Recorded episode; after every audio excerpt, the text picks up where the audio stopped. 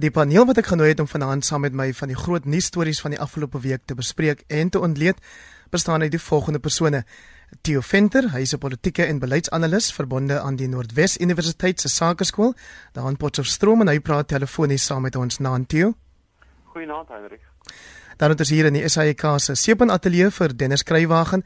Hy het pas sy boek oor Nelson Mandela se spiritualiteit afgehandel, maar vanaand is hy begeesterd om as parlementêre korrespondent van The New Age saam te praat. Welkom Dennis. Dankie Hendrik Nant. En dan verwelkom ek ook graag vir professor Herman Wasserman. Hy is 'n oud joernalis, maar deesdae 'n belangrike man, direkteur van die Sentrum vir Film en Media Studies aan die Universiteit van Kaapstad. Hallo Herman. Goeienaand Hendrik. Nou Theo Venter, ek nooi jou nou graag om ons eerste storie vir vanaand wat sekerlik die belangrikste storie vir die week is, in te lei, naamlik die oor finansminister Pravin Gordhan se voortgesette moeilikheid met die valke oor 'n sogenaamde spionasie-eenheid by die Suid-Afrikaanse inkomste diens wat gestig sou gewees het in die tyd dat hy uh, minister van of liewer toe hy kommissaris daar was.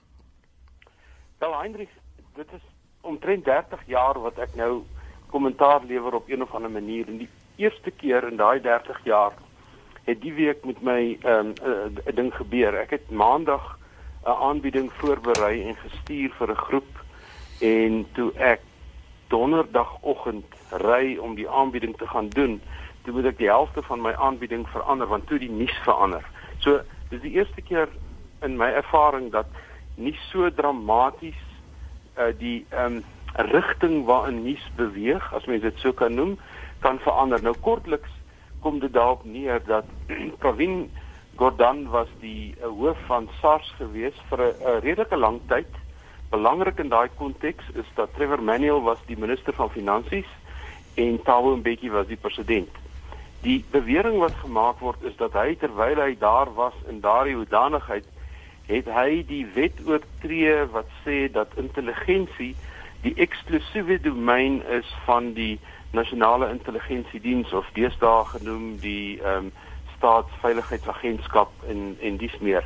En dat hy uh, met ander woorde deur so 'n spesiale eenheid wat later deur die Sunday Times 'n rogue unit genoem is te stig het hy die wet oortree. En nou is daar allerlei kriminele um, sake wat daaruit volg. So beweer die regering op die oomblik. Ehm um, ek wil miskien net eers die punt maak dat dit is miskien op beste 'n administratief regtelike probleem as dit een is, nie 'n kriminele probleem nie. En in die tweede plek, so 'n instelling sou nie anders kon geïmplementeer word as die kabinet op daardie stadium en die minister van finansies dit nie ook goedgekeur het nie en dit dit word vir my toenemend duister hoekom hulle die hoof van die departement want dit is wat Pravin Gordhan toe was ehm um, eintlik nou gebruik in 'n veldtog teen hom. Wat my onmiddellik by die punt bring dat die ehm um, dis die tweede keer hierdie jaar dat die beweringe gemaak word teen Pravin Gordhan. En toe dit die eerste keer gebeur het in Februarie Maart vanjaar was daar reeds 'n aanvoeling dat meneer uh, Zuma was op 'n manier verplig om Pravin Gordhan te aanvaar as minister van finansies in daardie dramatiese week in Desember verlede jaar en dat dit nie vir hom 'n lekker besluit was nie. Al al beweer die ANC dat hy die prerogatief het om aan te stel en af te dank soos en wanneer hy wil. Hier het hy eenvoudig nie die bewegingsruimte en bewegingsvryheid gehad om te doen met die minister van van finansies wat hy wou nie.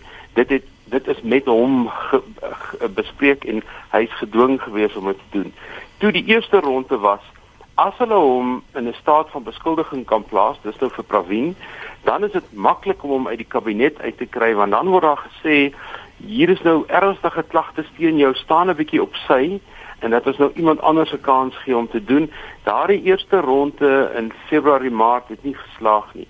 Nou lyk vir my het president Zuma en dit is maar my afleiding gewag totdat die verkiesing verby is en nou dat die verkiesing verby is probeer hy 'n tweede keer um, hierdie saak om meneer Pravin Gordhan op 'n indirekte manier te impliseer wat dit dan vir hom moontlik maak om hom uit sy kabinet te laat of iemand anders in sy kabinet te plaas.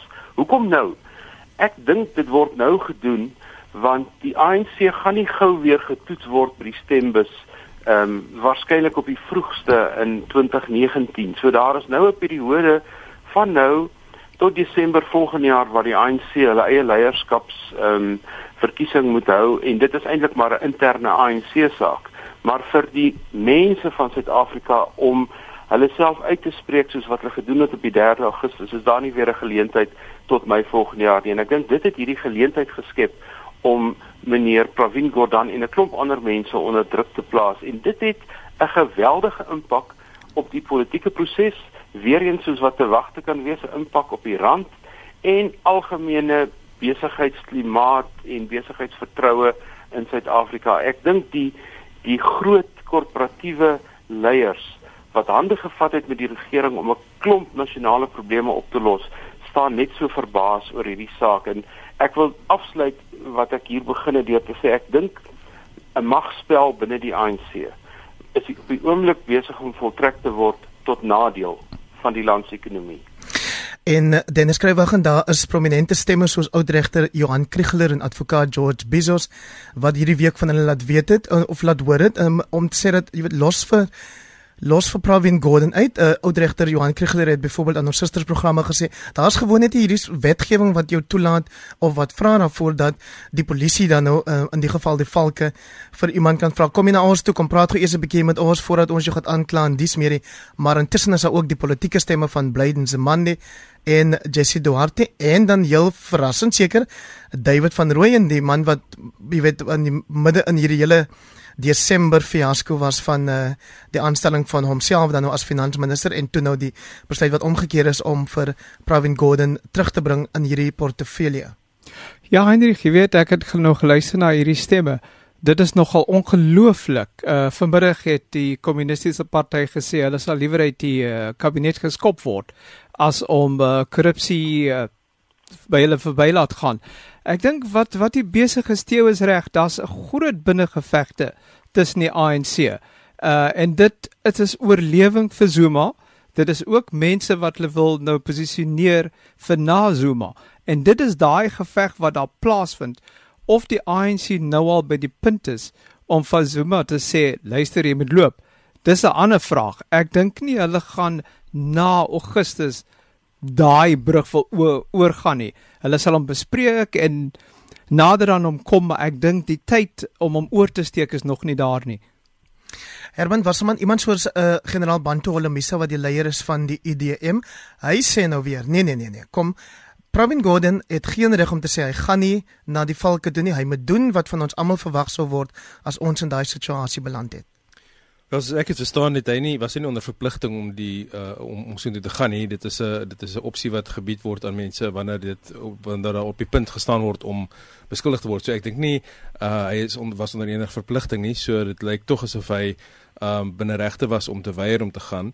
Ehm um, ek wil net wel terugkeer na wat wat jy ook gesê het en en ehm um, Dennis ook van die die binnengevegte hier binne die binne die ANC. Ek dink Zuma uh, dis 'n dis 'n waagkans wat hy hier neem want ons luister ook so ek hierdie week geluister na die ongelooflik aangrypende toespraak van Sipho Petjana um, by uh, Stofiele se begrafnis en en en daar's al hoe meer stemme wat mense wat nie meer bang is om na vore te kom en en en standpunt te neem teen Zuma nie. So uh, dit is ja, die linies is getrek. Ek dink dit is duidelik dat daar uh, uh, twee kampe is en dat dat daar uh, nog morsige binnengevegte gaan wees binne die ANC maar ek dink dit is dit is tog 'n waagkans wat hy neem.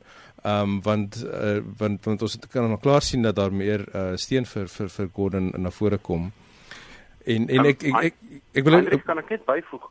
Dis baie goed dat Dennis die SAKP se persverklaring vanmiddag ingebring het want dit is baie betekenisvol omdat die SAKP so klein bietjie ehm um, deel van hierdie fokus is in wat beweer word uh, 'n uh, skoonmaakproses in die kabinet is en dat Herman die saak van van um, meneer Petjana ingebring het en 'n ander klomp mense wat um, in die Oos-Kaap gepraat het by uh, Adolf Stofile se begrafnis en vanmiddag het Paul Machitile iets soortgelyks gedoen by die begrafnis van die raadslid wat verlede week so tragies oorlede is by die verkiesing van die Tshwane burgemeester. En almal van hulle het dieselfde soort tendens geopenbaar en dit is om hierdie hierdie hele geveg op 'n manier um, te kontekstualiseer om te sê wat eintlik moet gebeur en um, ek wil die bewering maak dat meneer Zuma op hierdie stadium sterker in die ANC staan as wat die meeste mense dink. Ehm um, aan die een kant binne die ANC. Ek dink nie hy staan sterk buite die ANC nie. Ek dink die openbare gemeenskap, die die die die civic society, die burgerlike gemeenskap en organisasies en dis meer gaan beslis hierdie week ehm um, hulle begin mobiliseer rondom wat hier besig is om te gebeur, maar ek dink ons het hier twee kragte wat teen mekaar gaan speel. Meneer Zuma beheer die nasionale werkskomitee van die ANC volledig en daardeur beheer hy ook die nasionale uitvoerende komitee wat die twee belangrikste besluitnemingsorgane in die ANC is. Die top 6 is nie 'n besluitnemingsorgaan nie, dis blote uh, die top 6 leiers. En maar buite die ANC lyk die prent totaal anders en ek dink ons gaan in die volgende weke gaan ons hierdie veldtog eintlik sien ontplooi en half verbaas staan oor wat wat robuuste politiek eintlik is. Dennis Kruiwagen en ek het gehoor dat uh, by die einste begrafnis van eerwaarde Mankenkesi Stoffele wat voormalige sportminister was en toe ambassadeur geword het, het die adjunkpresident Cyril Ramaphosa ook in die bresse getree vir Pravin Gordhan. Maar vandag dan nou sê Jesse Duarte soos wat ek vroeër vlugtig na verwys het, ons ken Pravin Gordhan as 'n eerbare mens sê hy, maar baie van ons vra waarom beantwoord hy nie die vrae nie en as hy onskuldig is, dan is hom ons nou niks om weg te steek. Jy weet Hendrik, ek mens luister na hierdie uitsprake van die mense, nê?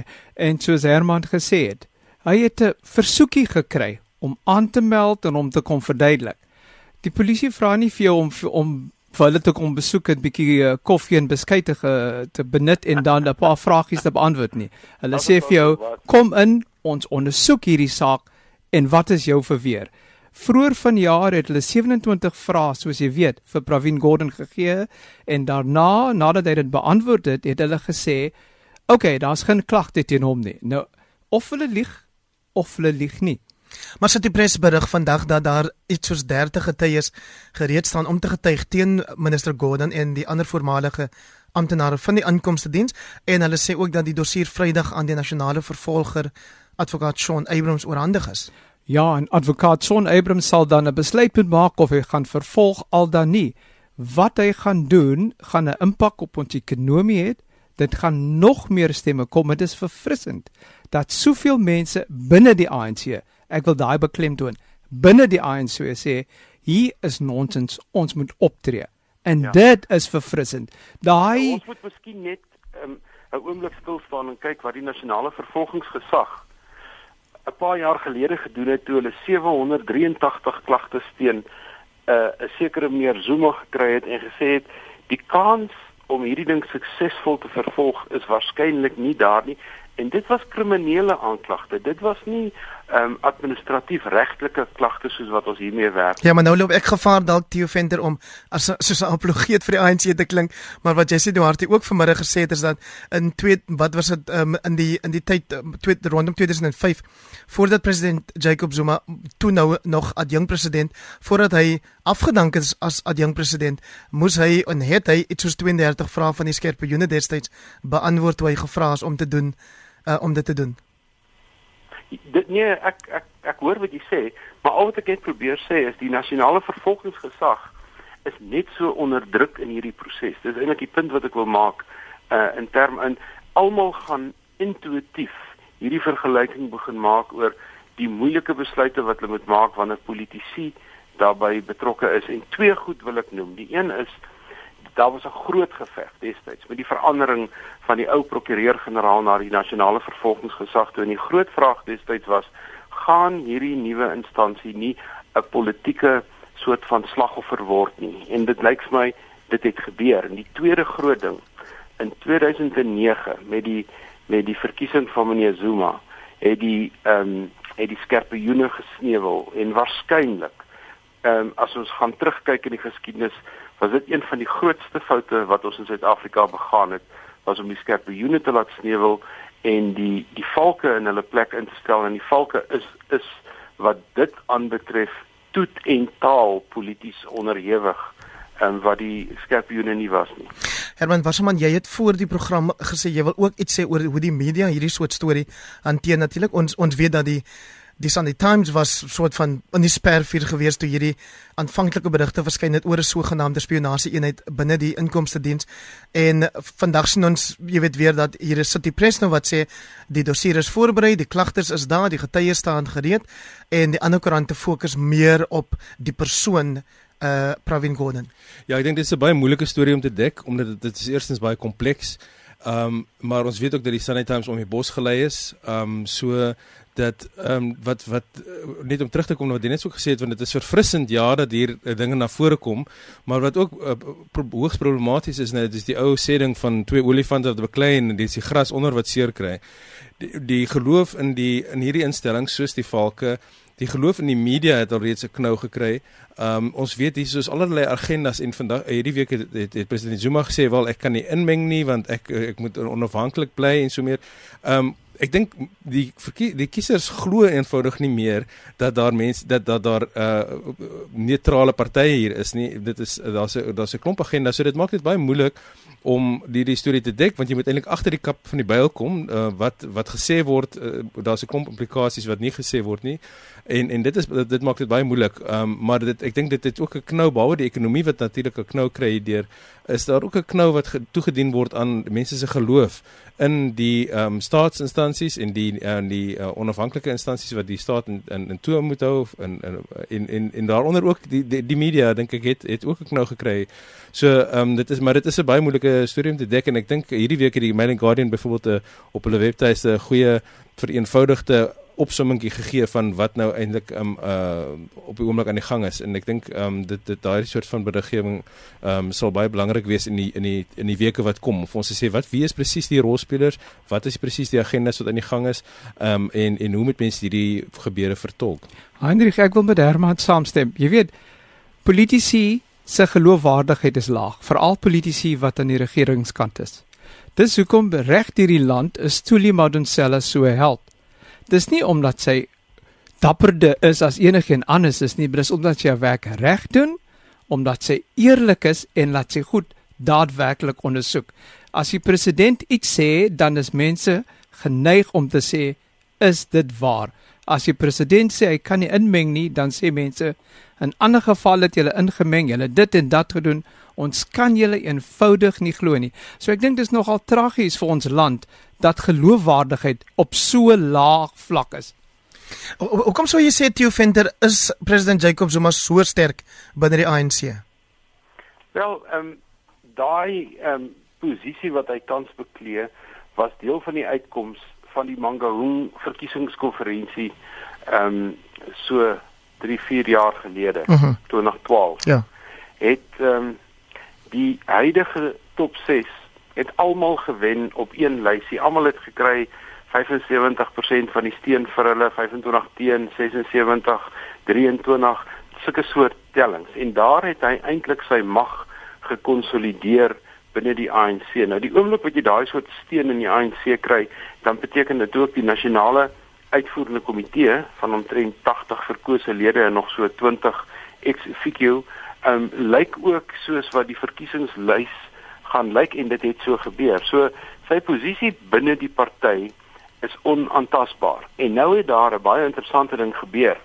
Tydens die verkiesing van die 3 Augustus het die vier provinsies wat nou die Premierliga uitmaak, um, naamlik Noordwes, Vrystaat, Mpumalanga en nou in die laaste tyd ook KwaZulu-Natal, ehm um, is die enigste vier provinsies waar alhoewel die ANC se steun gedaal het, het hulle nog steeds feitelike volledige beheer oor daai provinsies. Ehm um, want die provinsies beskik nie oor groot metropole en dit nie die uitsluiting is natuurlik Durban, eh uh, Ekurhuleni in in in KwaZulu-Natal.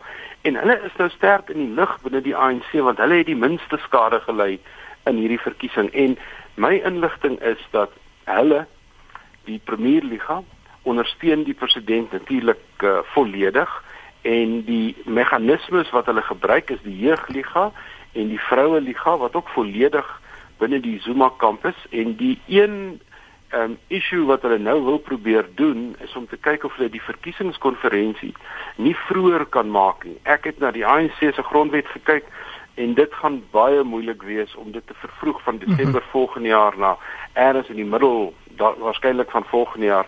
Maar ek dink hy wil so gou as moontlik probeer om hierdie proses op dreef te kry om sy mag te demonstreer in die ANC maar dit is die die president Zuma word onderskat as 'n politikus hy is 'n uitstekende politikus hy weet hoe om die ANC te speel. En een van die interessante opmerkings verlede week en ons sal waarskynlik net nou daarby uitkom is toe hulle in die perskonferensie na die Legotla verlede week sê dat die president word nou in 'n posisie geplaas ja. om binne skietafstand ek dink die Engels wat hulle gebruik het is line of sight ek weet nie wat presies dit in Afrikaans is nou maar soos jy sê ons gaan Ons ekskuus toe ja, ons gaan nou nou daaroor praat. Ek wil net gou vinnig vir Dennis Skrywer vra.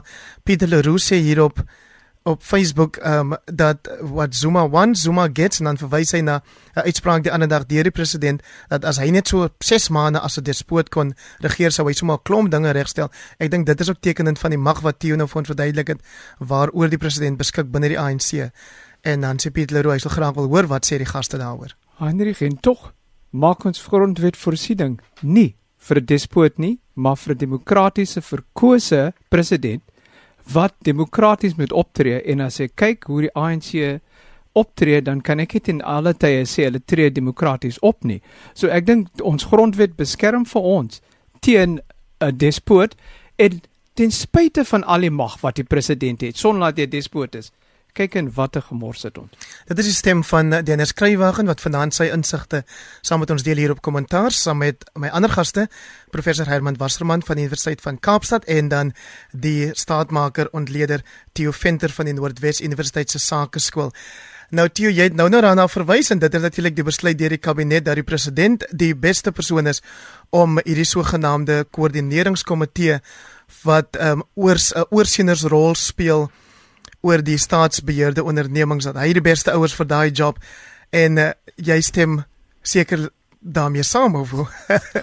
nee, nee, ek stem glad nie deel was daarmee saam nie want ek weet nie wat kwalifiseer die president werklik om in daardie posisie te staan nie behalwe dat twee goeters is besig om te gebeur en die saak is nie los te maak van ons vorige gesprek nie want ek sal nou die die die die verbintenis bring.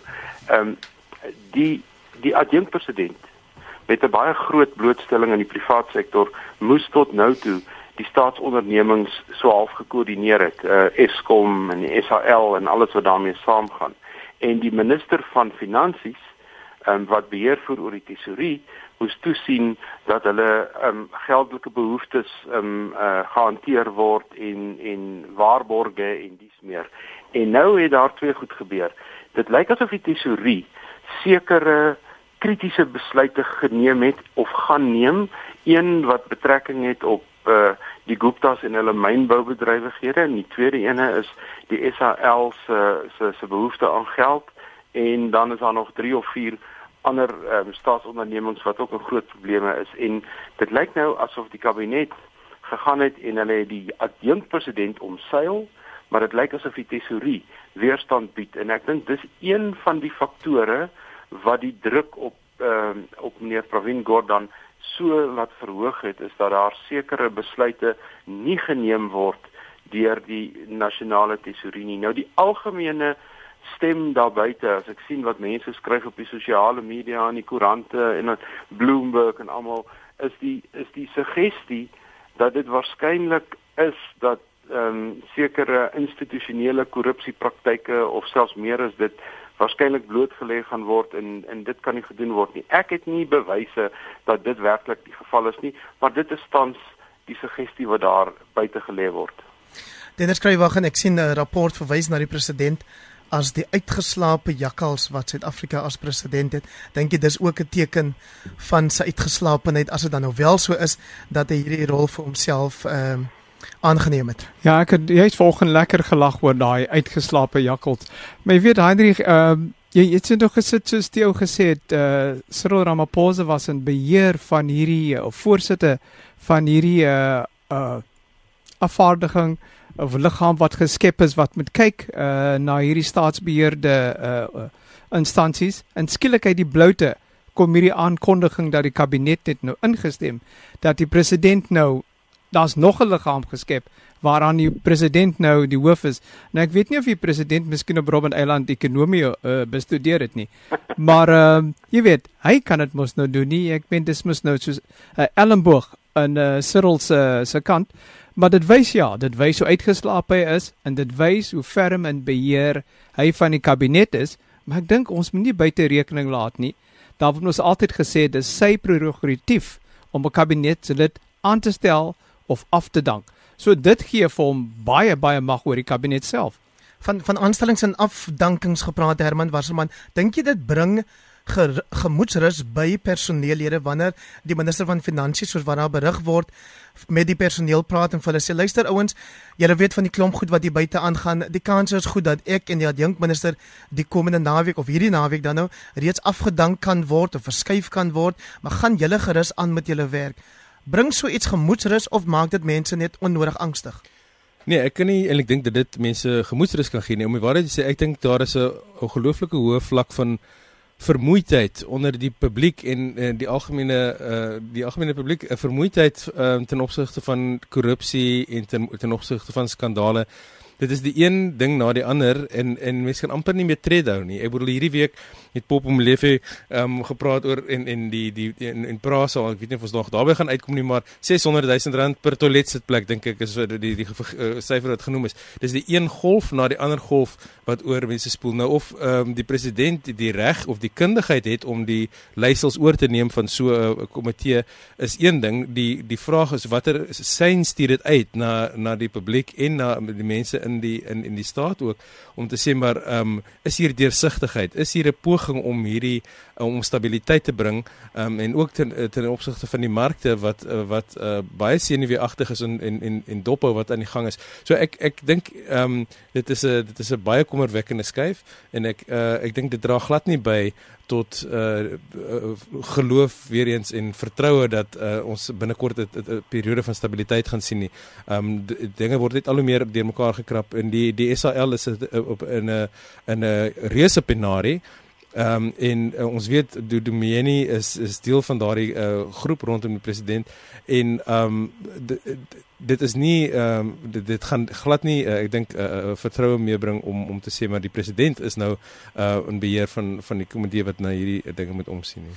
Nou Theo Venter kom ek vra jou want uh, Dennis skryfwag gaan werk natuurlik vir 'n sogenaamde Gupta maatskappy so ek wil hom nou nie laat voel dat hy nou word na hier 'n uh, ehm um, jy weet blootgestel nie maar ehm um, wil jy vir ons sê wat maak jy van die aankondiging deur die Guptas gister dat hulle al hulle aandele gaan verkoop aan hulle Suid-Afrikaanse maatskappye Um, en hopelik op die manier sê die uitvoerende hoof Nazim Hawa vandag sal die banke weer met oudby beleggings wil sake doen.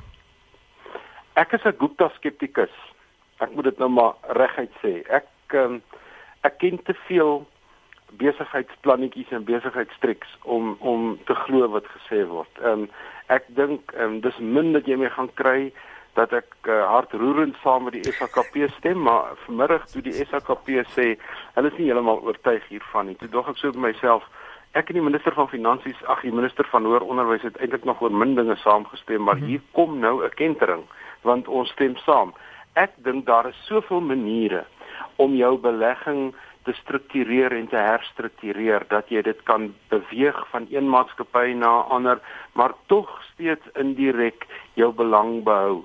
As 'n mens kyk na die Gupta ryk, as ek dit so kan noem, die Gupta ryk ehm um, het uh, hulle vingers in in die verdedigings ehm um, produksieproses. Hulle het hulle vingers baie diep in mynbou, nie net in steenkool nie, maar ook in Iran hier naby ons, net aan die kant Klerksdorp. Hulle het uh, hulle is baie baie um, invloedryk in die in die rekenaarwêreld en dies meer. En ek dink hulle het so hard en so diep gebou aan daai belange dat um, en ek het natuurlik uh, vervoer vergeet Transnet en Prasa en al die goed dat ek dink nie dis iets wat mens sommer net opgee nie. En as daar 'n uh, bewering kom dat jy jou besigheid wil verkoop kom ons dink nou maar net aan een wat die afgelope tyd gebeur het toe SA brouwerye gesê het ons is in die mark. Toe het mense gespring wêreldwyd uh om om SAB uit te koop en dit het gebeur en dis tot groot voordeel van die land die invloed van kapitaal. Maar ek dink nie die die Gupta sake struktuur uh, is iets wat iemand wil koop nie. So ek dink uiteindelik gaan hulle net op 'n ander manier besig bly met wat hulle tans besig is. Maar sou jy saamstem dat as dit beteken die 7500 mense vir wie hulle werk gee deur hierdie noem dit dan nou maar twyfelagtige sake ondernemings van hulle, ehm um, as dit beteken dat hierdie mense steeds werk sal hê dan is dit seker nie alles sleg nie.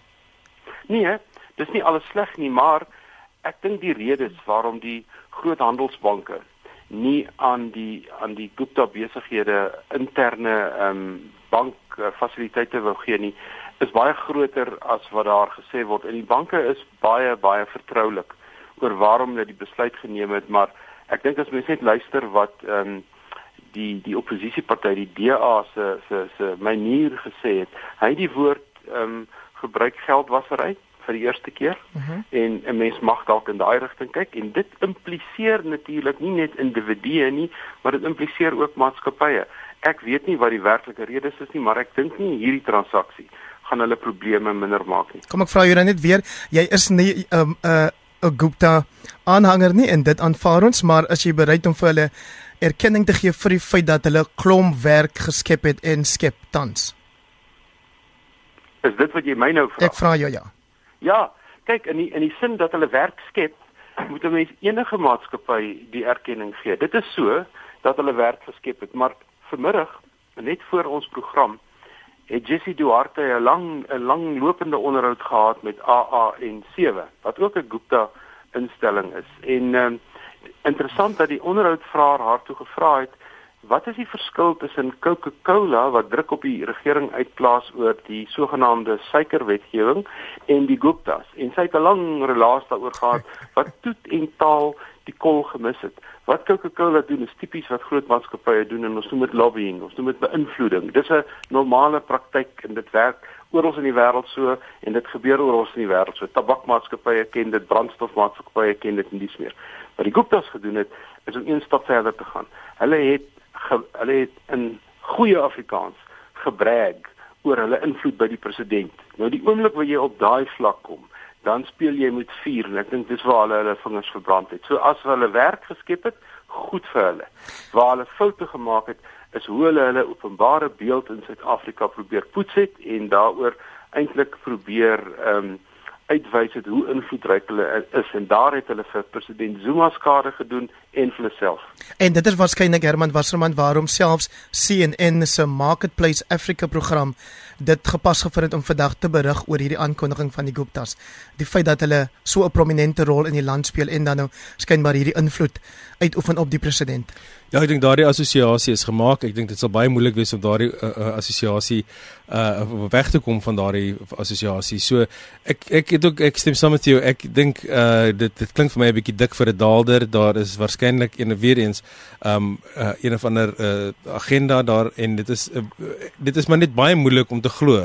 Uh en en soos met baie van hierdie um op die oomblik van die bewegings wat aan die gang is, baie moeilik om te glo dat wat gesê word uh die waarheid is. Um dit is dis moet gaan gaan grawe en gaan kyk agter die prentjie. En ek sal nie verbaas wees as oor 'n week of twee as daar 'n ondersoekende joernalis is wat hulle uh, soutwerd is wat vir ons gaan sê wat presies hoe ons dit moet verstaan nie. Maar ek ek sou ook dink uh, dit klink vir my 'n bietjie te te dik vir 'n dalwer. Nee ja kollegas ons het nog so 7 minute oor van vanaand se kommentaar. En ek wil jou nou vra die inskrywer gaan jy self by die parlement. En die afgelope week het die parlementêre ad hoc komitee wat verantwoordelik was vir die, of verantwoordelik was ja vir die aanstelling van 'n opvolger vir advokaat Tuli Madonsela. Die het hierdie week besluit dat hulle gaan 'n kandidaat voorstel en die is advokaat Busisiwe Mqwebane. Ehm um, wat is jou eie indrukke van die proses kortliks en dan oor die finale kandidaat wat nou aanbeveel gaan word aan die president? Weer Hendrik, dit was my baie nogal interessant uh, hierdie week het Julius Malema opgedaag en hy het daar gesê hy is hier om te verhoed dat die saai die openbare beskermer word. En toe begin hy en hy sê dan moet 'n swart vrou om sy woorde 'n African vrou aangestel word. En toe skielik besef jy hier is iets anders besig om te gebeur. Die DA het soos het gesê dat uh, die saai toe hy tydens die onderhoud was hy arrogant en ek het toe daar gesit en dink ag nou ja, en Floyd se wambo kritiseer ook vir hom oor oor sy onmanierlikheid en ek het vir myself gesê dis nogal interessant dat Floyd dink hy's onmanierlik as hulle die uh, parlement te borings neem dan is dit seker iets anders. Maar nou ja, mense kan ook maar seker hygel. Maar toe Julius daai saad gesaai het van 'n swart vrou, African vrou en toe hy gesê het hy gaan keer dat Desai aangestel word, het ek gevoel dat die uh, ANC het 'n bietjie begin weghardloop want skielik het die ANC omgedraai en die ou wat hulle gunsteling gunsteling was het hulle rug opgedraai uh en toe die kandidaat wat uiteindelik die paal gehaal het, dit daarmee het hulle gehardloop. Die berigte wil ons laat glo dat Julius Malema daar gekom het en gesê het sy groot kritiek teen regter uh Desai is dat hy nie in sy onderhoud ordentlik wil antwoord of eintlik eens veel aandag daaraan wil gee oor toe hy gevra is oor die kultuur van verkrachting in die land. Ja, dit was en dit was nogal interessant want jy sal onthou destyds toe president of die Jacob Zuma van destyds aangekla was oor verkrachting was een van sy groot verdedigers Julius Malema. Theo Venter, ja, gerus, gaan gerus ja, voort. Kyk, ek dink natuurlik die beste twee kandidaate het vroeg uitgeval, naamlik Willie Hofmeyer en die huidige adjunk Kalunga wat uh, op 'n baie vreemde manier eintlik ehm um, uh onder 'n wolk geplaas is deur ons veiligheidsagentskappe oor sy ehm um, Zimbabwe se agtergrond en dies meer.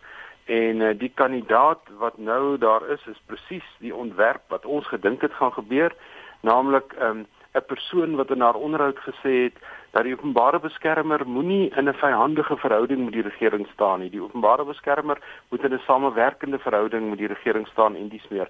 So ek dink ehm uh, die beweringe wat ons gemaak het en en die verwagtinge wat ons gehad het dat nooit weer sal die regering die huidige regering onder Zuma 'n openbare beskermer aanstel met 'n onafhanklike selfstandige standpunt soos Tuli Madonsela nie het uiteindelik geseëvier. Sê vir ons vinnig hoekom jy gereken het dat Willie Hofmeyer en dan nou advokaat Malunga um, beter kandidaate sou wees?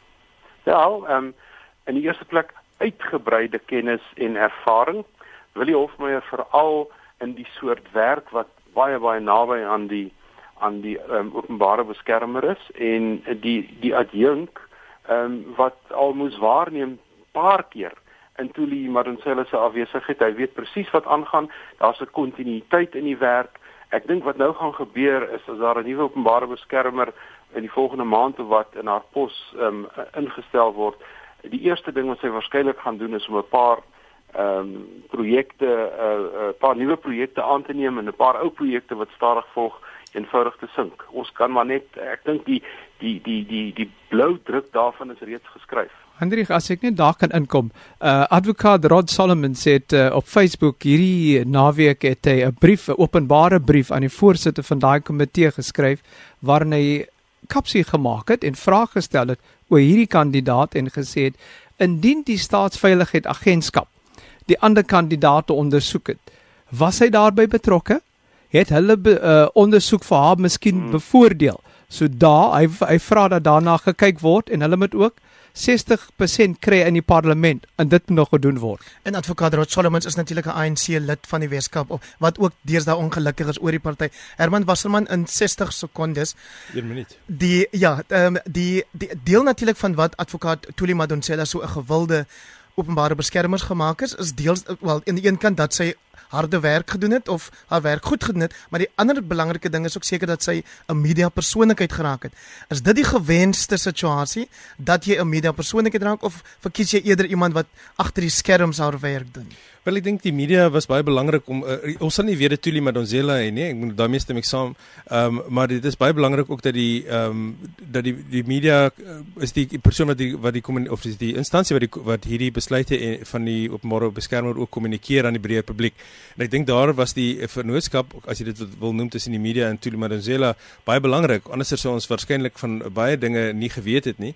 Ehm um, so ek dink ons ehm um, kan baie dankbaar wees vir vir 'n ehm um, robuuste media en en vir 'n baie robuuste openbare beskermer van die afgelope paar jaar en ons kan maar net hoop dat ons die herhaling daarvan sal sien in die toekoms. En ek is natuurlik baie dankbaar dat jy ingeskakel het vanaand en ook vir my paneel wat bestaan het uit professor Herman Wasserman van die Universiteit van Kaapstad, Theo Venter van die Noordwes Universiteit se Sakeskool en Dennis Kruiwagen wat 'n parlementêre joernalis is by The New Age. Ek is Hendrik Weingart en ek wens jou 'n produktiewe en 'n genotvolle week toe.